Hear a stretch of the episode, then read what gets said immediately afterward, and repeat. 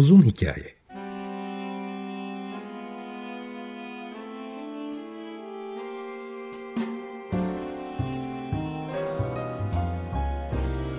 Sinir bilim, psikoloji, felsefe ve müzik.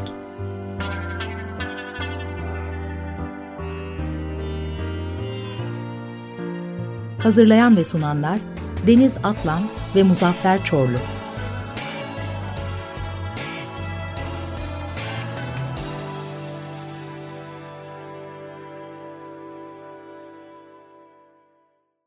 95.0 Açık Radyo'dan, Açık Radyo.com.tr'den tekrar merhabalar. E, maalesef başımıza gelen e, son derece üzücü, yıkıcı olaylardan dolayı programları olabildiğince herkesin işine yarayabilecek şekilde e, tasarlamaya çalışıyorum ve bu konuda da konuklarım genelde psikiyatrik, e, psikiyatrist, psikolog ya da terapistlerden seçiyorum şimdilik. E, belki yaraya melhem olmak için bir iki e, cümlede e, biz burada konuklarla çıkarız diye geç, geçtiğimiz günlerde Türkiye Psikiyatri Derneği Başkanı Ejder Yıldırım'la konuştuk ki o da Açık Gazete'de yayınlandı. Açık Radyo'dan pardon Açık Dergi'de yayınlandı. Şu anda YouTube kanalımda da var. Podcast'larda da var. Bugün de psikiyatrist doktor İlker Küçük Parlak'la birlikteyiz. Aslında onunla epey program yaptık. E, dolayısıyla bugün spesifik bir konuda konuşacağımız için kırmadı geldi. İlker Hocam hoş geldin. Hoş bulduk merhabalar. Ee, hepimize geçmiş olsun e, diyerek başlayalım herhalde. Geçmiş olsun hepimize. Evet şimdi e, hemen şunu sorayım. Çok sıcak bugünün konusu e, okullar meselesi. Hı hı. Şimdi e, psikolog olarak bir cümle söyleyeceğim. Ama e, sen ne dersin ne düşünürsün? Ben e, bunu söylemeden önce iddialı olmaması için de bir araştırdım e, okulların çocuklar üzerindeki etkisi ve özellikle post travmatik durumlarda e, hayata tekrar normal gözlüklerle bakabilmesi adına bu sosyal ortamların çok yararlı olduğunu gösteren hem çalışmalar var hem de vakalarla dolu dünya tarihi.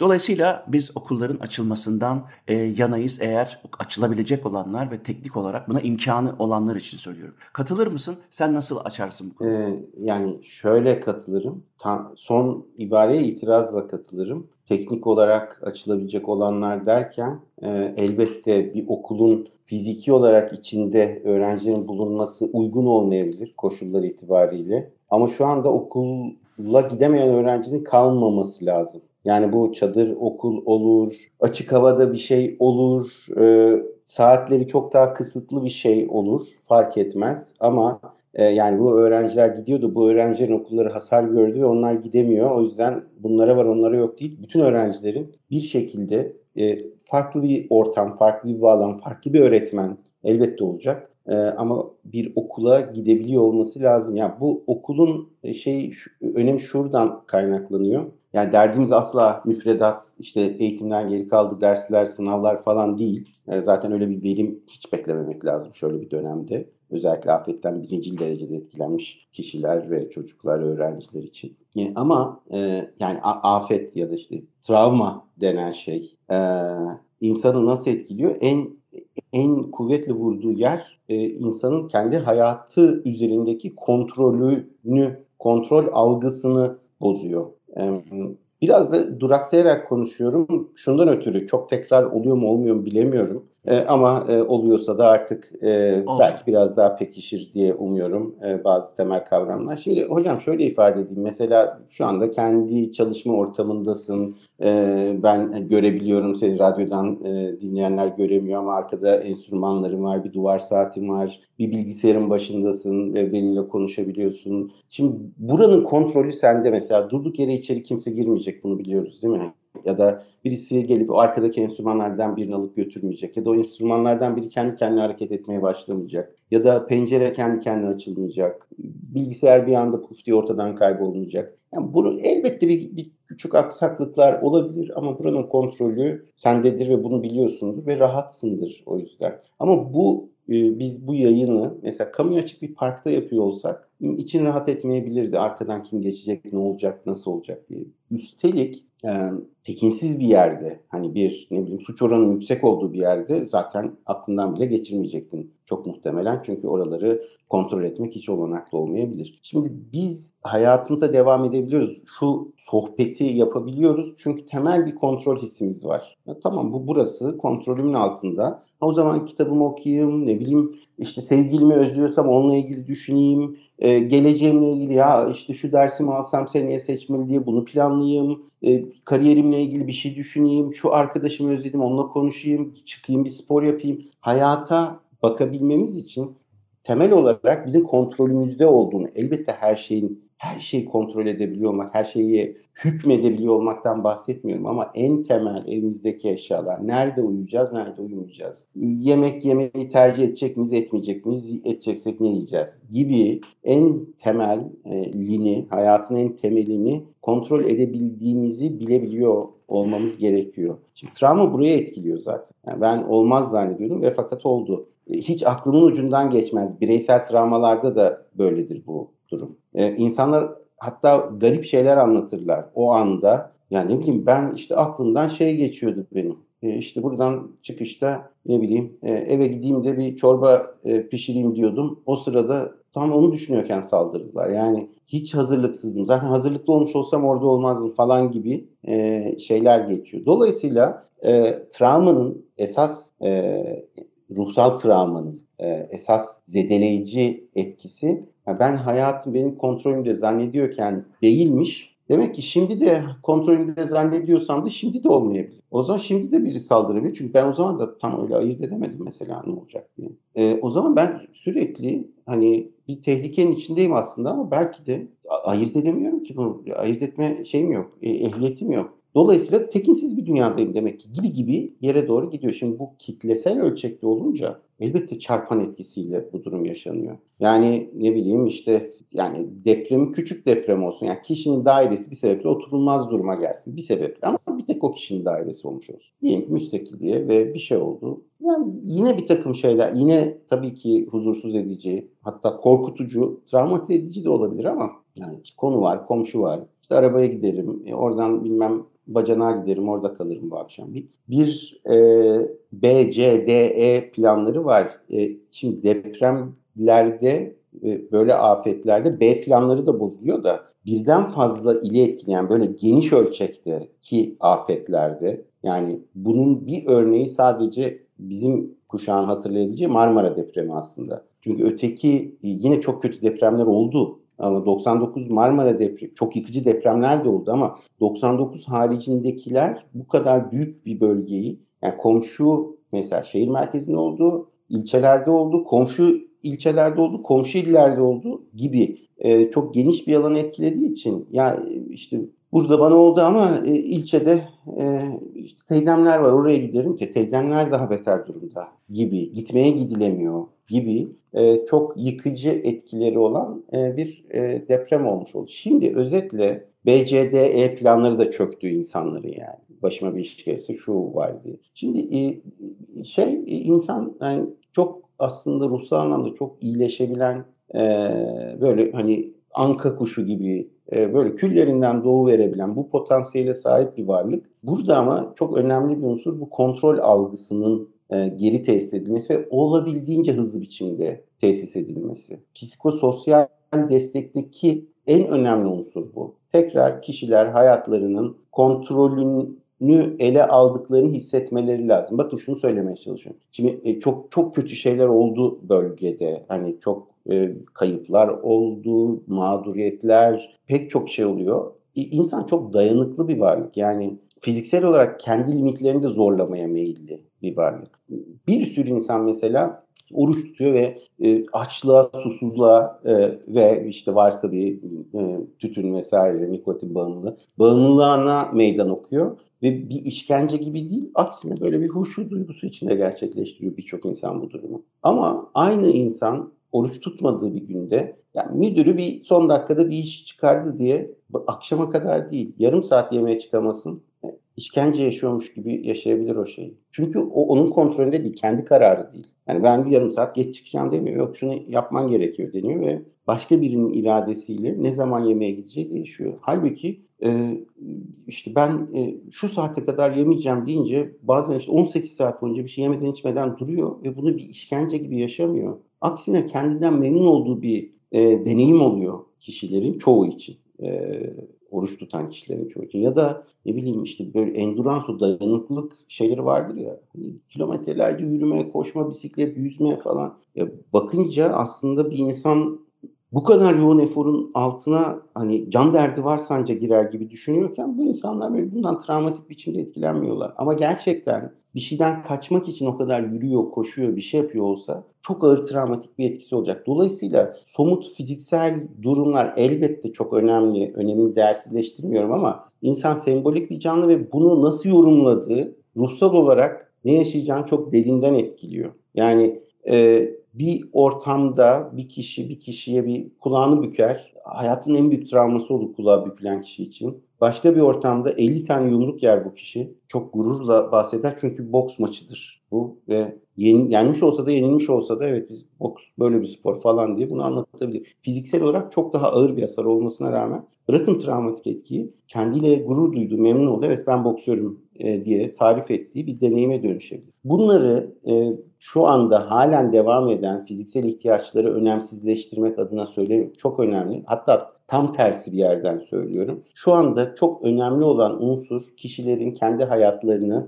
tekrar kontrol edebildiklerini deneyimlemeleri, hissetmeleri. Yani bu akşam nerede uyuyacağım belli bu. Böyle bir şey yok. Ee, belirsizlik yok. İşte e, birileri yardımcı olacak falan da değil. Yok belli zaten tahsisli. Hani başımı sokacak bir yer bulurumdan da bahsetmiyorum. Kendime ait bir alanım var. Ne bileyim 3-5 neyse ya bir tane ıslak mendilim var, bir cep telefonu, bir de bir şey var. Bunları koyabileceğim bir yer var. E, ailemle birlikte çocuğu oraya gönderdiğim şey, ailemle birlikte kalabileceğim bir alanım var. Hatta hatta yemek yiyorum tercih de edebilirim mesela. Yani e, bana ne verirlerse işte bu akşam mercimek var. E, bir de nohut da var. Yani iki tane bir şey. Ben nohuttan almayı tercih ediyorum gibi e, hayatlarının kontrollerini ellerine tekrar alabildiklerini. Evet bu çok hoş bir hayat değil ama tekrar söyleyeyim. Mesela pek çok e, erkek için e, zorunlu askerlik olduğu için e, askerlik hayatlarındaki en konforsuz dönemdir. Fakat çok büyük gururla yine tarif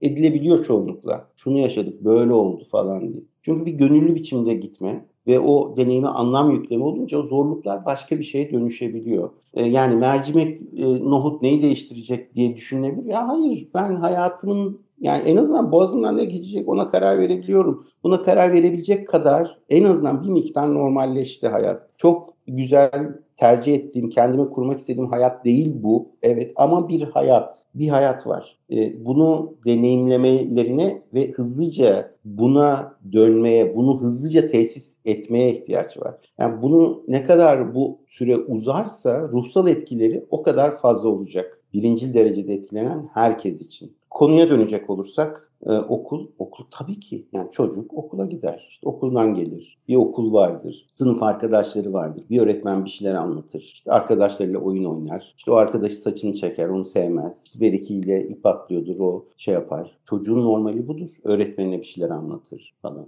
Öğretmenin tarafından sevilmeyi bekler. E, okuldan gelir, annesine babasına bir şeyler anlatır. Şöyle oldu, böyle oldu diye. Ve çocuğun hayatı böyledir. Çocuk yani ilkokul çocuğundan bahsediyorsak bir e, kariyer planı içinde falan okula gitmez. Yani bu evet bu okulu bitireceğim sonra şöyle bir e, akademik yön çizmek istiyorum kendime. Yani sorunca anlatır bir şeyler de onun fantazi olduğunu biliyoruz yani o böyle bir plan içerisinde değildir. Çocuğun hayatı oradadır. Bir ev hayatı vardır, bir de sosyal hayatı vardır. İşte sosyal hayat orada şekilleniyordur. Şimdi siz bunu çocuklardan aldığınızda e, çocukları bu belirsizlik içerisinde daha da daha da daha da uzun süre tutuyorsunuz demek. Yani çocuğun depremden etkilenmesini arttırıyorsunuz demek. Bu çocuklara iyilik yapılmıyor. Okulların, bölgedeki okulları da dahil ederek söylüyorum bunu bu arada. Yani e, şimdi bölgede insanlar hani kaba taslak mesela depremin işte 140. saat falan diye şeyleri biliyor olsalar da bazı insanlar günlerden ne hafta içi mi hafta sonu mu ne oluyor? Birbirine geçmiş durumda. Çünkü bir düzen yok. Şimdi bir yere kadar bu elbette depremden sonrası bir ikinci gün tabii ki öyle olacak. Ya da ilk hafta diyelim elbette yine anlaşılabilir. Ee, ama dediğim gibi bir noktada çocukların okullara e, gitmeleri gerekiyor. Bu okullar da şöyle söyleyeyim. E, yani ilk bir haftalık bu izin özellikle e, okulların ne durumda oldukları fiziksel olarak, öğretmenlerin ne durumda oldukları, Ee, ve bu mekan ve insan planlamasının bu organizasyonuyla geçebilirdi elbette. Yani biz hangi okulları kullanım, o okulun etrafındaki yol ne durumda vesaire gibi başlıklardan bahsediyorum. Ee, ve ondan sonra da bir o, o bölge için bir planlama e, e içerisinde bir eğitim faaliyeti devam edebilirdi. Ama ilk bir haftadan sonra gördük ki hiçbir plan yok ve e, sadece orada değil tüm Türkiye'de bütün kademelerdeki okullar neredeyse tatil edilmiş, üniversiteler uzaktan eğitime geçilmiş sadece o da bir nevi tatil sayılır. E, yani atama bekleyen pek çok öğretmen var e, bir taraftan. Ben eminim ki mesela bizim Türk Tabipler Birliği Sağlık Bakanlığı'na defalarca e, teklifini yineledi. Bölgedeki çalışan hastaneler yani faal durumdaki hastanelerdeki meslektaşlarımız kendileri afetten etkilenmiş, işte arabalarda uyuyor, e, ailesi belki göçük altında ya da başka bir şey neyse yani orada yaşayan insanlardan bahsediyoruz. Şu anda orada hizmet vermeye devam ediyorlar. Şu an şu dakika itibariyle. Halen hizmet vermeye devam ediyor o meslektaşlarımız, sağlık çalışanları, çalışma arkadaşlarımız. Yani sadece doktorlar da değil. Türk Tabipler Birliği'nin teklifi var. Bakın gönüllü meslektaşlarımız var. Biz size bu gönüllüleri gönderelim. Yani afetten etkilenen meslektaşları oradan çekelim. Bir ailesine mi bakıyor, ailesini bir yere mi taşıyor, ne yapıyorsa bir hayatına bir çeki düzen versin. E, fakat ne yazık ki hali hazırda günlerdir bir yanıt e, gelemedi bu çağrımıza. Türk Tabipler Birliği olarak yapılan bu çağrıya. Yani özellikle çok dezorganize e, bir durum var ne yazık ki. Hani ne kadar organize olunabilir diye düşünülebilir ama ya deprem sürekli deprem oluyor yani bunu organize olunmayacak bir durum yok. Bir master plan olabilir bu iş için. Yani doktorlar etkileniyorsa sağlık çalışanları onu şöyle yedekleriz, öğretmenleri böyle switch ederiz gibi. Bunların olmadığını biraz e, meselenin e, kervan yolda düzülür gibi düzülmeye çalışıldığına ilişkin emareler var şu anda. E, bu şunun için söylüyorum. E, Marmara depreminde elbette mevsim koşulları değişik ki bu hep göz önünde bulunması gerek e, bulundurulması gereken unsurlar bunlar. Ama e, okul binaları içinde değilse de işte açık alanda çadırlarda bir şekilde geçici bir düzen içerisinde de olsa bir noktadan sonra eğitime devam edildi. Yani böyle şeylerin oluyor olması lazım. Yani buradaki konu tekrar söyleyeyim. Çocukların şu konuları çok iyi öğrenmeleri değil, akranlarıyla bir arada olmaları, bir öğretmenlerinin olması, orada e, beraber oyun oynayabilmeleri, teneffüs ders, teneffüs ders, böyle bir düzen var evet, işte okul başlıyor, okul bitiyor, böyle de bir düzen var evet. Evet şimdi bir binada değiliz, bir çadırdayız, tamam. Belki hani öyle tam zamanlı değil ama iki ders yapıyoruz günde. Ders de ders olmayacak zaten. Hani işte çok güzel şeyler olacak çok muhtemelen. Ama bu düzenin yeni yeni de olsa bir düzenin olduğuna ilişkin bunu deneyimlemeye ihtiyaçları var çocukların. Şimdi bu olanağı ellerinden alıyoruz çocuklar. Aslında hocam e, çok iyi bir yere geldin. E, bu uzun e, girişin çok anlamlı oldu. Çünkü gerçekten bunun temellendirilmesi açısından söylediğin örnekler gerekliydi. Çünkü bir uzman olarak, bir psikiyatrist olarak sen tabii ki e, bence okullar açık e, kalmalı e, deyip e, çıkmadın işin içinden. Çünkü o anlattığın şeyler bunun temellendirilmesi açısından çok doğruydu. Ben hemen o söylediklerinden iki tane şeyi e, alayım. Çünkü e, geçen gün Ejder Hoca ile de yaptığımız konuşmada ne tesadüf ki o da aynı örneği verdi. Yani insanların e, iki farklı yemekten birini seçebiliyor olmasının bile o kişinin kendi kişilik bütünlüğü açısından, kararı kendisinin veriyor olması açısından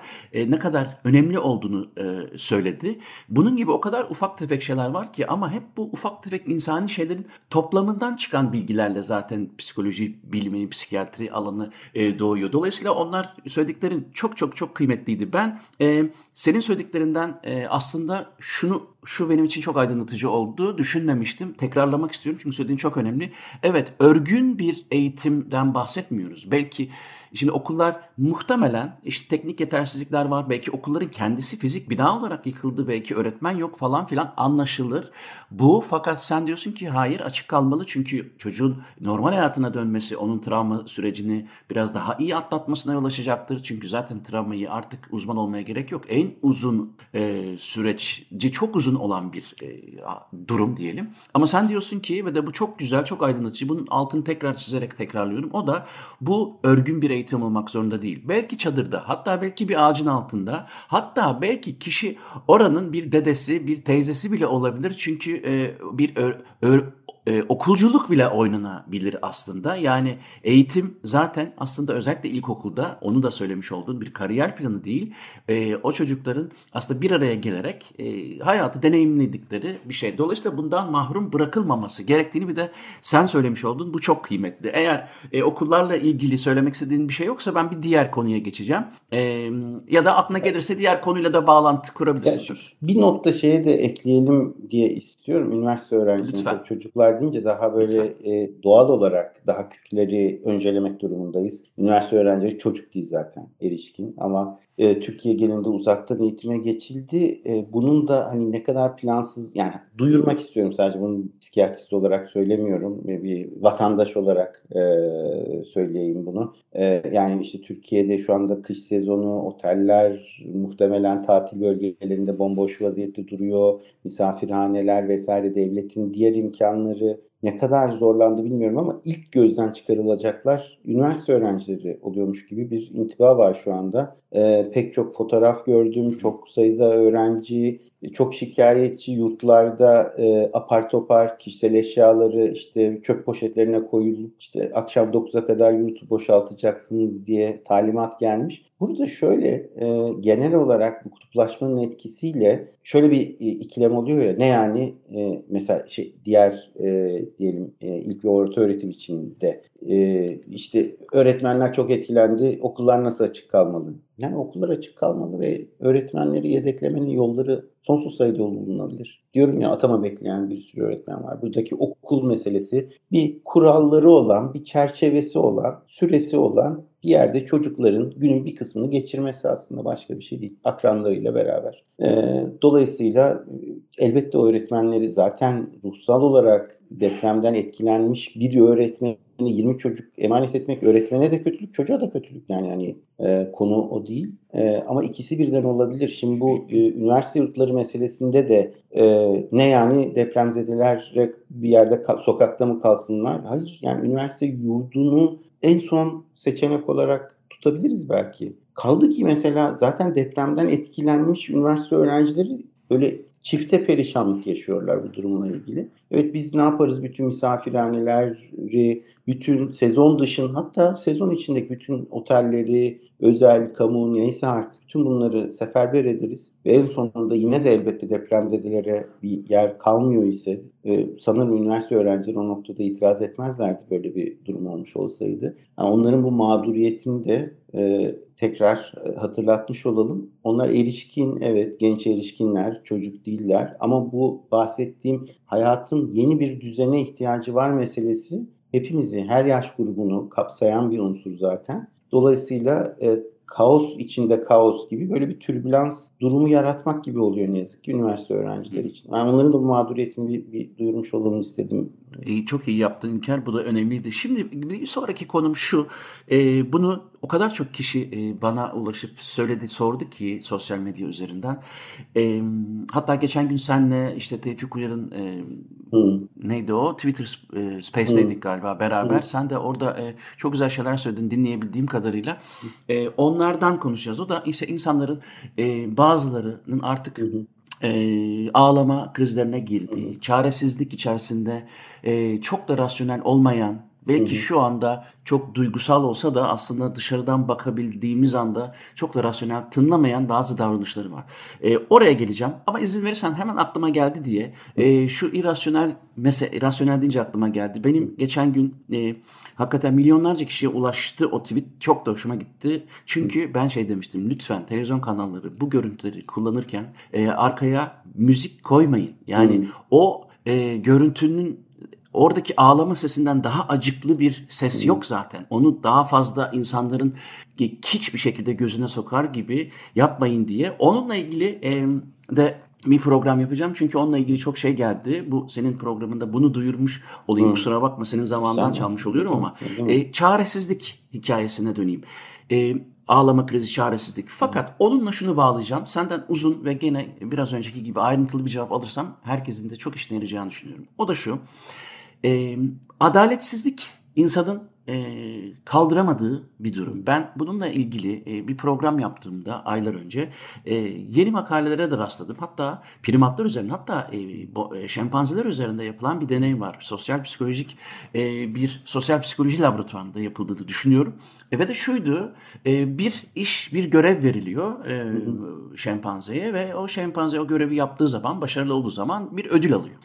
E, ve de birbirlerini görecek şekilde cam e, küçük cam odalarda iki tane hmm. şempanze var ve e, deneyi yürüten bir tanesine e, başaramamasına rağmen ödül veriyor. Diğerine başarmasına rağmen ödülü hmm. vermiyor ve nasıl çıldırdığını hmm. e, bu sosyal psikolojik deneyi mutlaka e, şeyden hmm. görebilirler. YouTube'dan e, hmm. e, Chimpanzee izledikleri zaman, Justice dedikleri zaman eminim bu video çıkacaktır.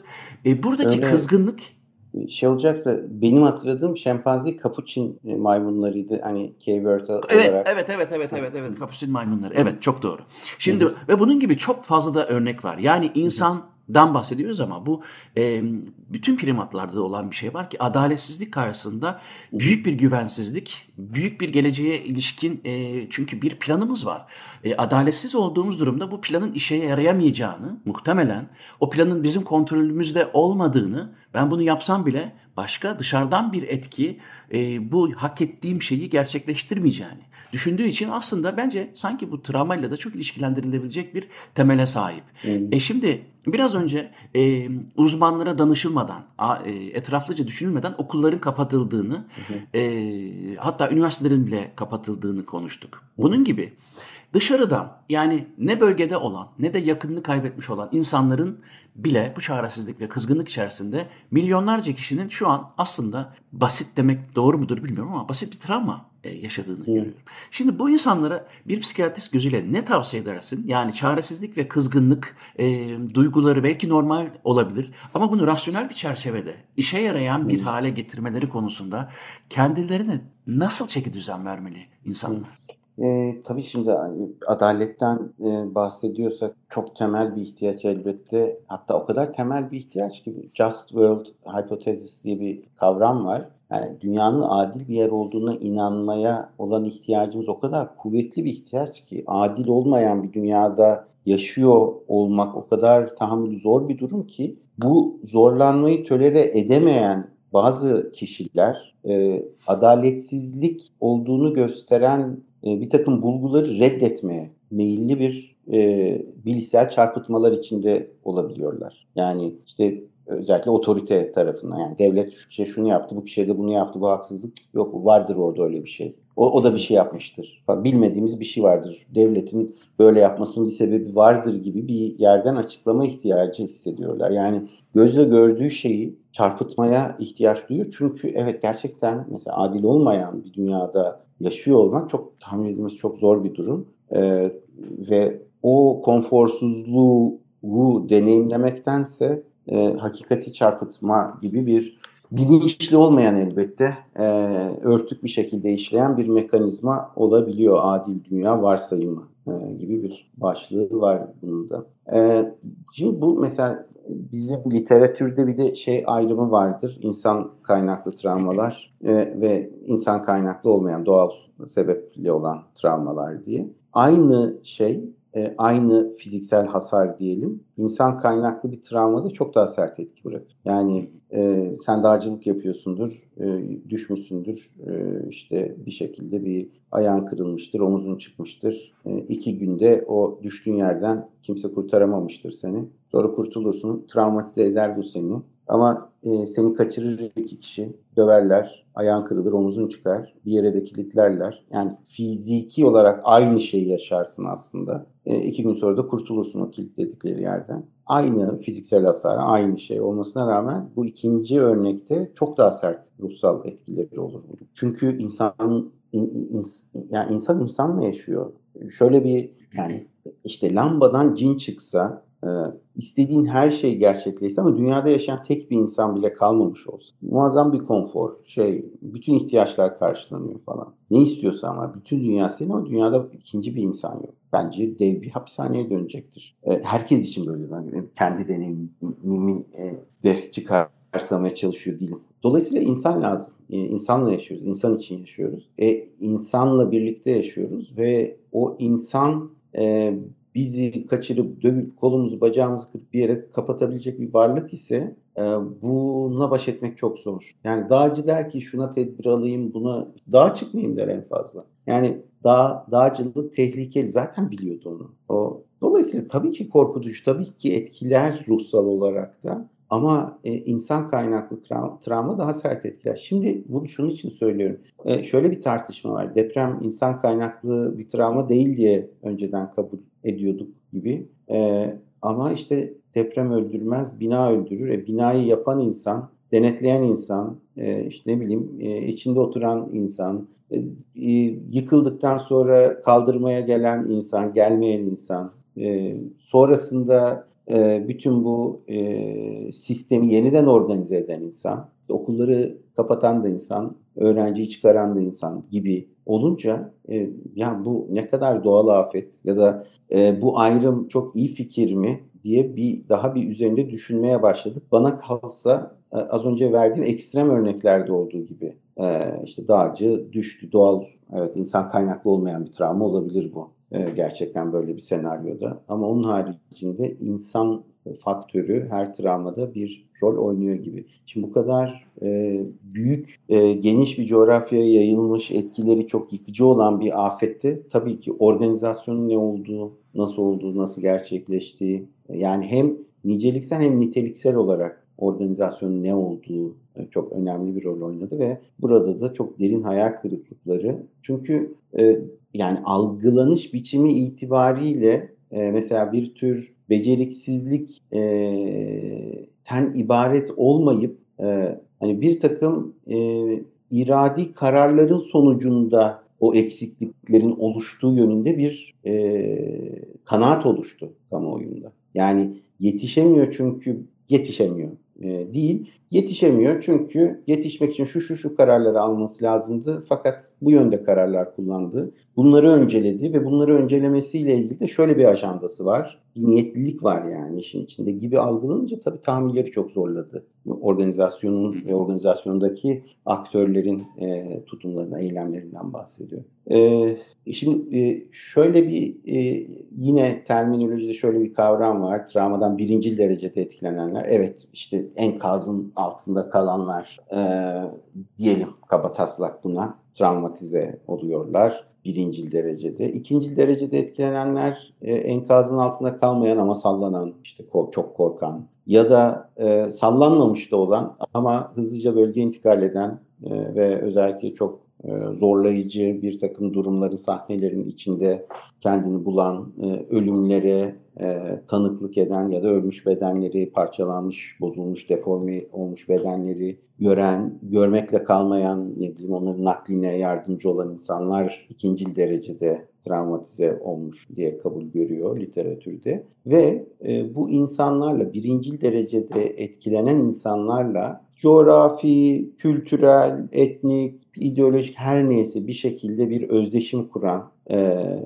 diğer insanlar da üçüncü derecede etkilenmiş kabul ediliyor. E, yani e, işte bu şeyden birkaç ay önce Pakistan'da bir sel felaketi, çok çok yıkıcı bir sel felaketi oldu. Yani üzücü tabii ama o özdeşim olmadığı için e, çok da çok da bir travmatik bir etki bıraktığını söyleyemem Türkiye tarafında. E, ama e, elbette ülkemizde e, olan e, böyle bir felaket ülkenin geri kalanının hepsini hatta işte ülkede artık e, yaşamayan ama e, ülkesiyle bağı olan bütün insanları derinden etkiledi. Şimdi burada bu uzakta olanların ee, şöyle bir hissi var ya bir çaresizlik elden bir şey gelmiyor. Bir şey yapılması lazım. Evet görülüyor. İhtiyaç duyan insanlar var. Evet bu ihtiyaçlar karşılanamıyor. Evet ama kendisi de oradan bir şey yapamıyor ve bir çaresizlik hissi var. Ve e, uzakta olanları en zorlayan durum e, aslında bu çaresizliğin uzakta oluşuyla ilgili bir yerden kaynaklandığı yönündeki bir yanılgı aslında. Yani işte yurt dışında yaşayanlar yurt dışında yaşamış olmakla ilgili ama bölgede olmayanlar bölgede olmamakla ilgili yurt içinde olup e, başka şehirlerde olanlar orada olamıyoruz diye. Orada olanlar başka türlü çaresizlik yaşıyorlar. Yani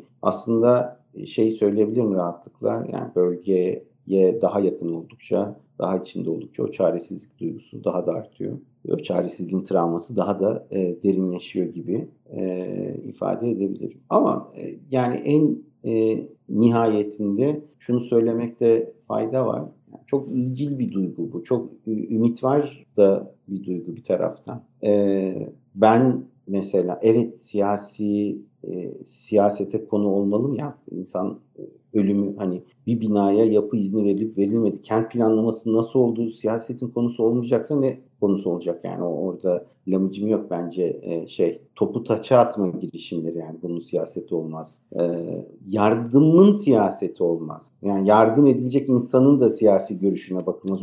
Onlar ayrı tabii ki. Hani ben şu parti olarak yardım ettim demek iyi fikir olmayabilir e, belki ya da tamam hani yardım ediyorum da şu par kendi partilerime yardım ediyorum. Bu çok kötü fikir bir kere. Yani siyaseti olmaz belki bu böyle tarif edilebilir. Ee, ama bu siyasetin elbette konusu olmak zorunda e, bu yaşanılan e, durum. Çünkü siyaset nedeniyle böyle oldu. Siyasi bir takım kararlar nedeniyle değil mi? Hani imar barışı diye paketlenen e, tam da e, böyle bir e, yani kentsel düzenleme deyince böyle yoksulları kent merkezinden kovalıyoruz değil de güzel bir şey yapıyoruz. Fiyat düzenlemesi zam değil ya. Fiyatları bir dağınıklı fiyatlar düzenliyoruz onları bir falan gibi bir propaganda e, aracı olarak bu diskur kullanılır. E, imar barışı da muazzam yani hani barışıyoruz daha ne olsun ama e, işte o imar barışının sanırım sonuçlarını çok sert bir şekilde yaşamış olduk bir bölgede. Dolayısıyla siyasetin konusu olacak.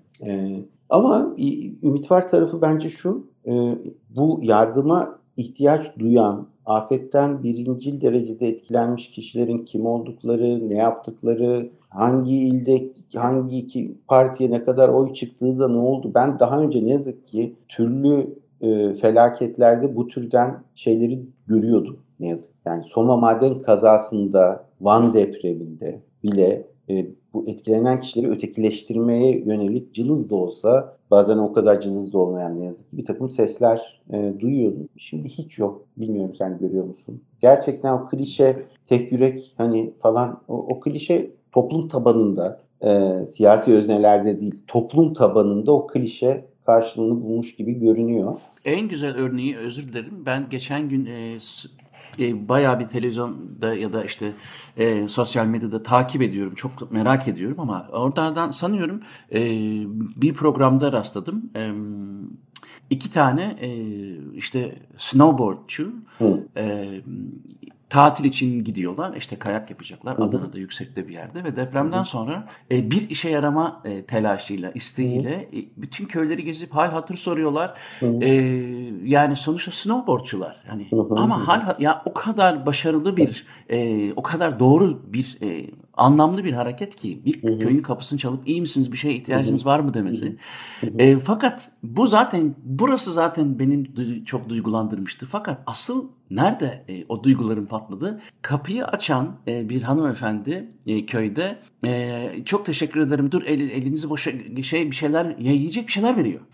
E, hani ben şimdi e, evet Avrupa'da doğdum büyüdüm. Şimdi Belçika'da yaşıyorum. Tamam 30 yılım İstanbul'da geçti arada. E, yani ama burada da e, hayatım yarısı da Avrupa'da geçti. E, bunu mesela bu davranışları e, hiç genelleme yapmak istemem ama e, gene de o coğrafyada e, daha fazla görüyor olmak o kadar avantajlı bir şey ki bana hep sorarlar en çok aradığınız şey ne? E, ben şimdi e, bütün gazetelerde İlker şu anda Belçika'da basılan bütün gazetelerin birinci sayfası tamamen Türkiye ve Suriye'yi e, yıkan depremle ilgili. Başka hiçbir haber yok. Ve inanır mısın benim de e, oldukça fazla sayıda öğrencim var burada e, ve de geniş bir sosyal hayatım da var. İnsanların çoğu e, sormuyor bile. Çok ilginç. E, kötü niyetten değil.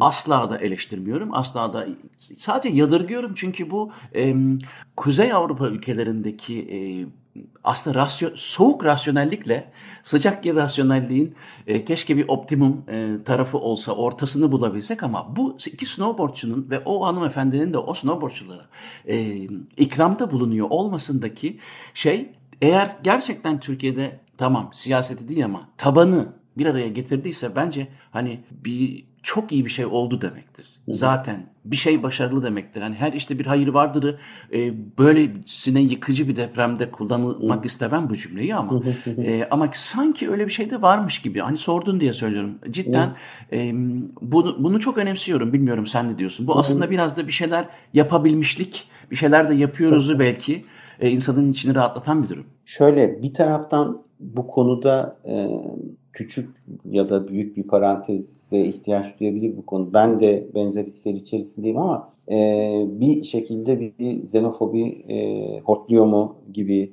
e, bir e, endişeye de sahibim. Çünkü o e, ötekileştirilen, o kötüleştirilen o e, grup ya da kimlik e, depremi yaşayan e, ya da yaşamayan e, içerisinden değil de e, özellikle e, göçmenlere yönelik e, bir düşmanlığa falan dönüşür mü? E, bunun küçük küçük emarelerini mi görüyoruz e, diye bir endişe de var bir taraftan. O parantezi de e, açmış olalım. Şimdi uzakta olanların evet böyle bir çaresizliği e, var ve bu çaresizlik uzakta olmam nedeniyle bana özgü ya da bizim gibi uzakta olanlara özgü gibi bir hissiyat uyandırıyor. Ama durum öyle değil. E, şu anda uzakta olanlar için şunu hatırlatmakta fayda var. Şu anda duyguların daha yoğun olduğu, e, e, yani duyguya daha çok dokunan, bam teline insanın daha çok basan, e, görünce çok daha o e, trajedinin görüntülerden okunduğu bir takım sahneleri görüyoruz e, ve elbette hepimiz etkileniyoruz bu sahnelerden. Ama deprem yaşayan bölgedeki insanların ihtiyaçları yıllar boyu devam edecek. Yıllar boyu devam edecek. Yani şu anda orada bir anda mesela saatler içerisinde on binlerce bedensel engelli olan insan olmuş oldu bir anda. Bu ne bileyim bir uzvu kesilmiş, ampute edilmiş birisi de olabilir. Kesilmemiş ama e, daha zayıf çalışan birisi de olabilir. Fizyoterapi ihtiyacı olacak, ortez, protez vesaire ihtiyaçları olacak. Ruhsal terapilere, psikoterapilere ihtiyaçları olacak insanların. O bölgedeki çocukların eğitimleri yıllar boyunca akranlarıyla aralarında bir makas oldu artık. Yani bunların kapanması gerekecek. Yapılacak çok iş var. E, şimdi uzakta olanlara e, haddimi aşıyorsam özür dileyerek söylüyorum ama şunu önerebilirim uzakta olanlara. Yani bu duyguyu kendilerini yıpratan bir yerden yaşamak yerine ve bu duyguyu bastırıp yok etmek, bu duygudan uzaklaşmak yerine eğer başkaca bir şey, bu duyguyu bir ım, tutmak, yani contain etmek, tutmak mümkün olursa ve bu duyguyu zaman içerisinde yapılması gereken, o bölge için yapılması gereken o şeyleri yapmak için bir motivasyon kaynağı olarak kullanmak, hatırlamak mümkün olursa o zaman bu duygu, evet bu duyguyla ben bir şey yapacağım hissiyle beraber kendine dönük yıpratıcı bir şeye değil, herkes için yapıcı bir etkinliğe dönüşebilir. Ben biraz böyle yakıt gibi düşünüyorum bunu. Hani bir, galon, bir bidon benzin gibi yani çakmak çakıp evet bir yeri yakmak da mümkün bunlar. Bir ama motor olursa ona koyup çok verimli bir şeye dönüştürmek de mümkün. Neye dönüşecek kısmı çok önemli. Duyguları yönetebiliyorsak e, dediğim gibi bölgedeki insanların uzun yıllarda böyle hani enkaz kaldırıldı, ev yapıldı. Bakın onu da söyleyeyim yani şey de değil. Tam evler de çadır falan da değil. Konte bayağı ev evler de yapıldı. Uzaktan bakınca evet normal bir hayat gibi gözüküyor. Hayır değil. Yani oradaki insanların yıllar boyu sürecek bir takım ihtiyaçları oldu artık. Yani yıllar boyu hukuki desteğe ihtiyaç duyabilecekleri konular olabilecek. Yıllar boyu mimarlara, yıllar boyu doktorlara, yıllar boyu terapistlere, yıllar boyu İngilizce bilen birilerine.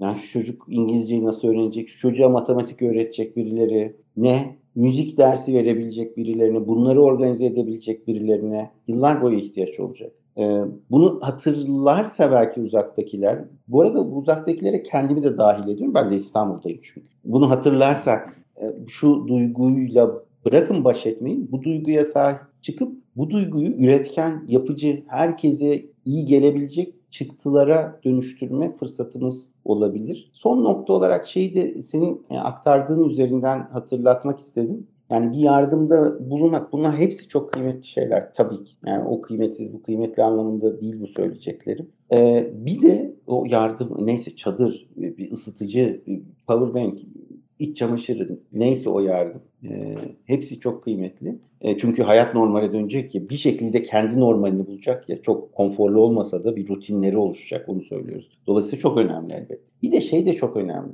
O insan insana temas. Yani e, bu bunu gönderen şey kim? Kim? Öyküsü var mı bunun? Bunu alan kim? Ne oluyor? Tabii ki alanlar kendilerini hani ifşa etmek isteyebilir ya da bunu bir ifşa olarak görebilir, görmeyebilir. O ayrı bir konu.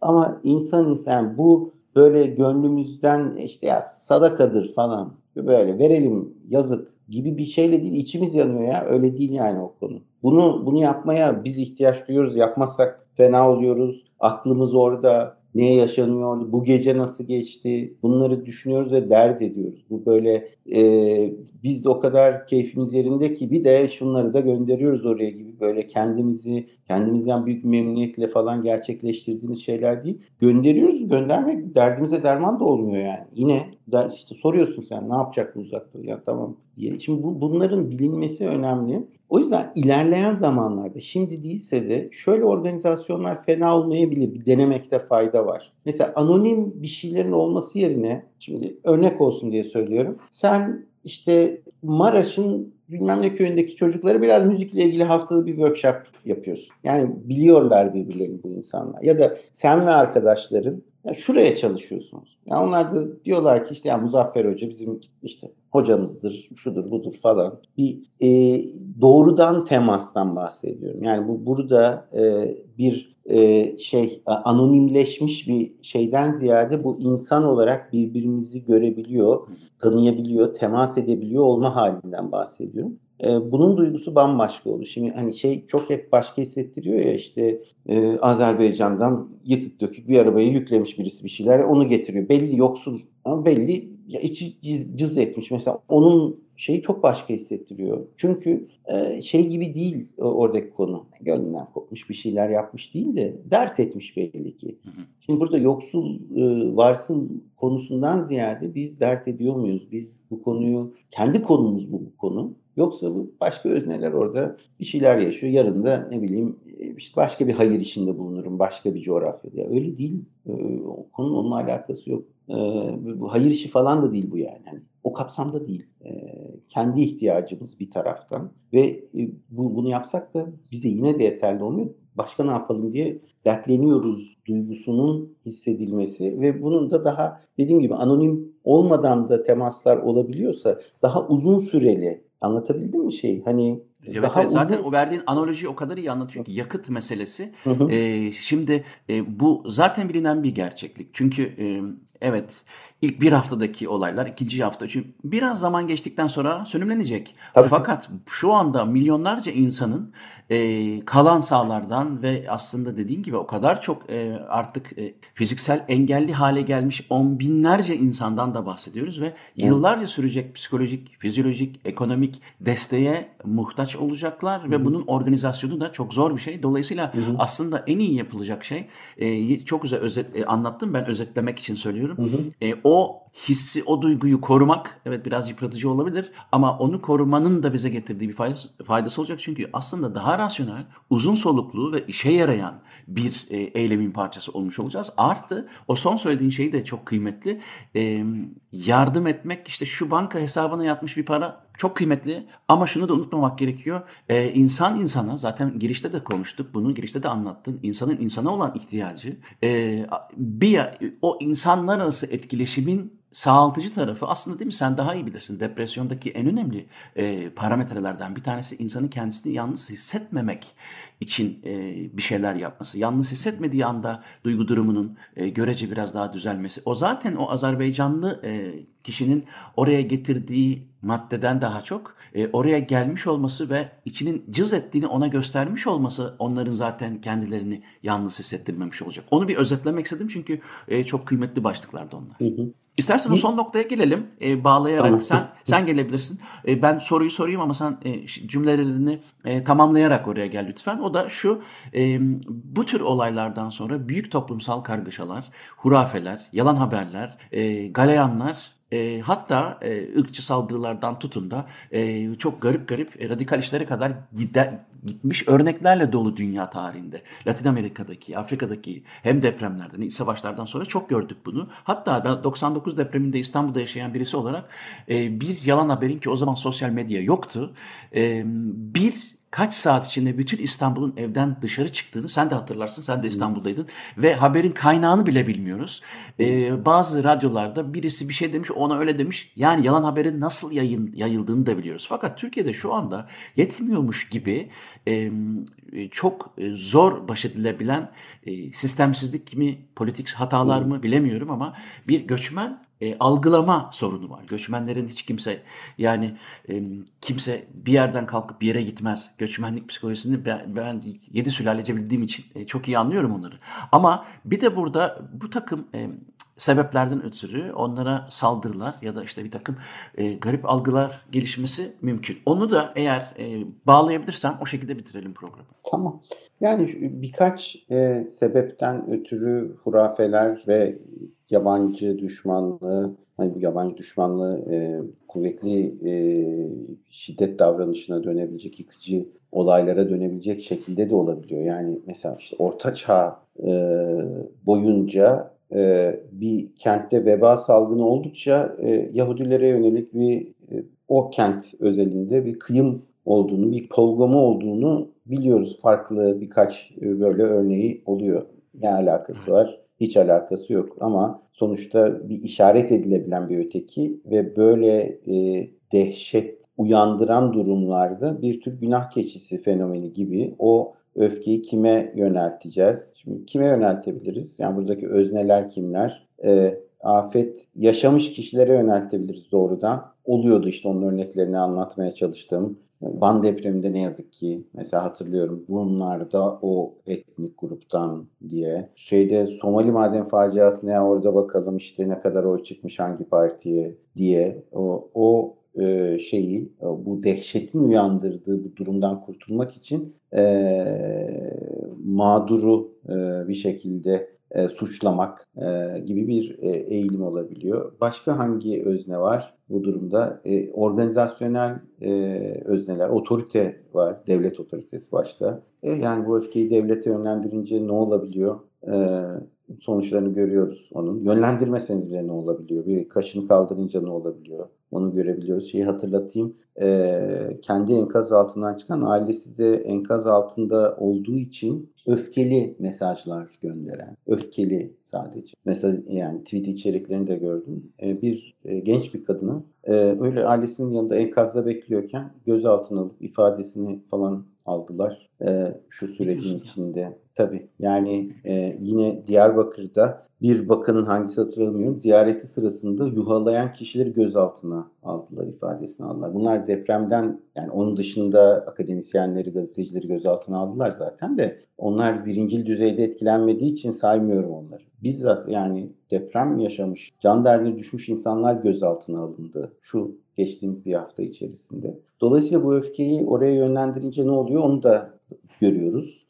E ne kalıyor geriye? Günah keçisi niye keçidir hocam? E yani şey yapamaz yani etini butune keçinin hani en fazla bu toslar bir şey der falan. Yani çok da baş edemez e, şeyle. E, daha kolay bir hedef. E, hedef almasının maliyeti düşük keçi. Yani günah aslanı olmuyor mesela. O biraz sıkıntılı. Günah keçisi oluyor mevzu yani. Dolayısıyla burada en kolay hedef alınabilir, en ucuz, en sahipsiz. Bu e, işte haksız yere zarar görmüş olsa bile e, bundan ötürü hesabını sormaktan en aciz olan grup yabancılar, göçmenler ve onlara vurun abalıya olacak yani. E, gibi evet yani böyle bir risk var. E, buna karşı da uyanık olmakta fayda var. Bu tevatür söyle, şey söylenti vesaire durumları bu belirsizlik durumlarında ve kriz durumlarında yükselir zaten. E, yani şöyle yükselir. Mesela o depremde İstanbul'daydım da ben sonra sahadaydım o söylentinin olduğu şeyde. E, sahaya inmiştik Kocaeli'ye. E, şöyle oluyor.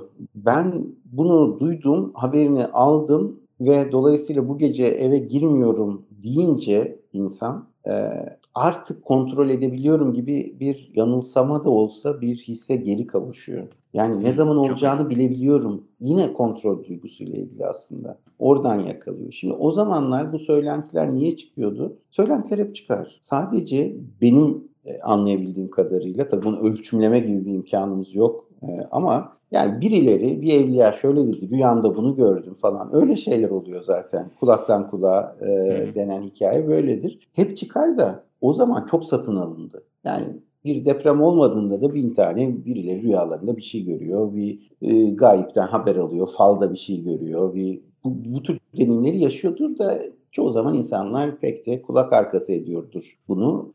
Ama e, böyle bir durumda çok satın alındı ve çok üretildi, çok replike edildi, çok yayıldı. Çünkü insanların çok tetikte oldukları e, bir döneme denk geldi. Şu anda ise bununla ilgili daha kötü bir etken daha var.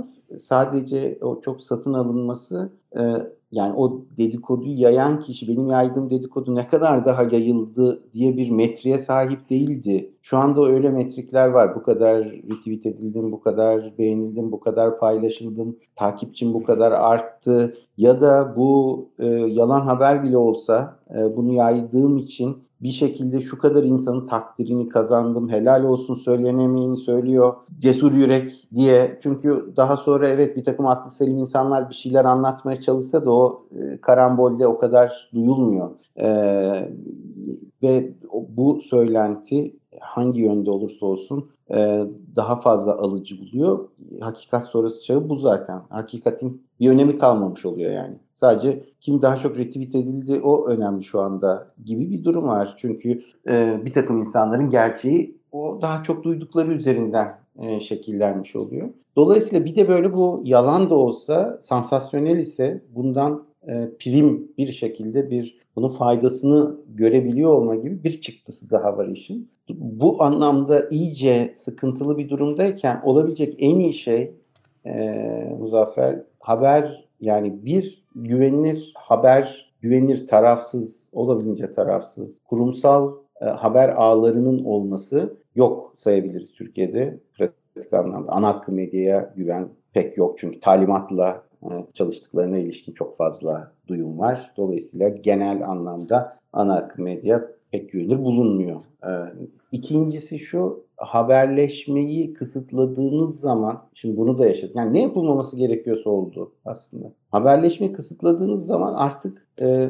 her şey inanılır hale gelinebilir. Yani bunu e, evet böyle bir etkiden mutlak biçimde sakınmak çok zor. Ama sakınmanın yolu en azından eşten, dosttan, başka birinden bir süre de olsa e, hakikati duymanın bir takım yollarını olduğunu bilebiliyor olmak. Şimdi siz iletişimi kısıtladığınızda dedikodunun önünü açıyorsunuz. Çünkü o dedikoduyu bastırabilecek olan şey sağlıklı iletişim. İletişimi kısıtlıyorsunuz. Twitter'ın band genişliğini daraltıyorsunuz. WhatsApp grupları bambaşka bir e, söylenti jungle'ına dönüşüyor bu sefer. Yani nerede defalarca birçok kez iletildiği yazan üzerinde bir takım tevatürler dolaşmaya başlıyor. Çünkü ne bileyim güvenebileceğimiz, sahada olduğunu bildiğimiz e, insanların orada neler yaşadığını tam olarak duyamıyoruz buradan. Dolayısıyla bu şeylere yani özellikle doğrulama eğitimlerini her e, bilinçli insanın artık bu şey gibi okuma yazma gibi bir şey oldu benim gözümde.